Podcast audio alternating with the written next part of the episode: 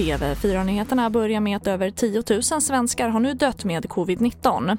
Folkhälsomyndigheten rapporterar 351 nya dödsfall idag. Så totalt har 10 185 mist livet i smittan.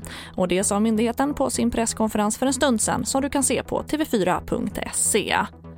Och alkoholstoppet efter klockan 20 förlängs till den 24 januari. Och det är smittspridningen som ligger bakom, det meddelade socialminister Lena Hallengren i morse. Och nu får regeringen kritik att ett nytt besked kom så här tätt inpå, en dag innan stoppet skulle ha slutat gälla.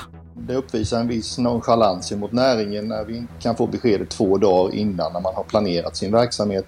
Det här beskedet kunde man gett för flera dagar sedan eh, i så fall. Eh, men sen är det ju viktigt också att vi nyttjar den pandemilag som nu är på plats. Så att man gör en plan för hela samhället och inte bara så stenhårt slår mot besöksnäringen och restaurangerna nu i synnerhet.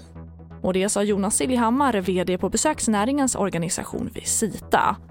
Och vi avslutar med att ett lagförslag om ändringar i gravfriden runt Estonias vrak ska vara klart i mars. Och det öppnar för att nya undersökningar av katastrofens orsak ska bli möjliga. Och bakgrunden är dokumentären som kom i höstas och som innehöll nya uppgifter om hål i fartygets skrov. TV4-nyheterna, jag heter Charlotte Hemgren.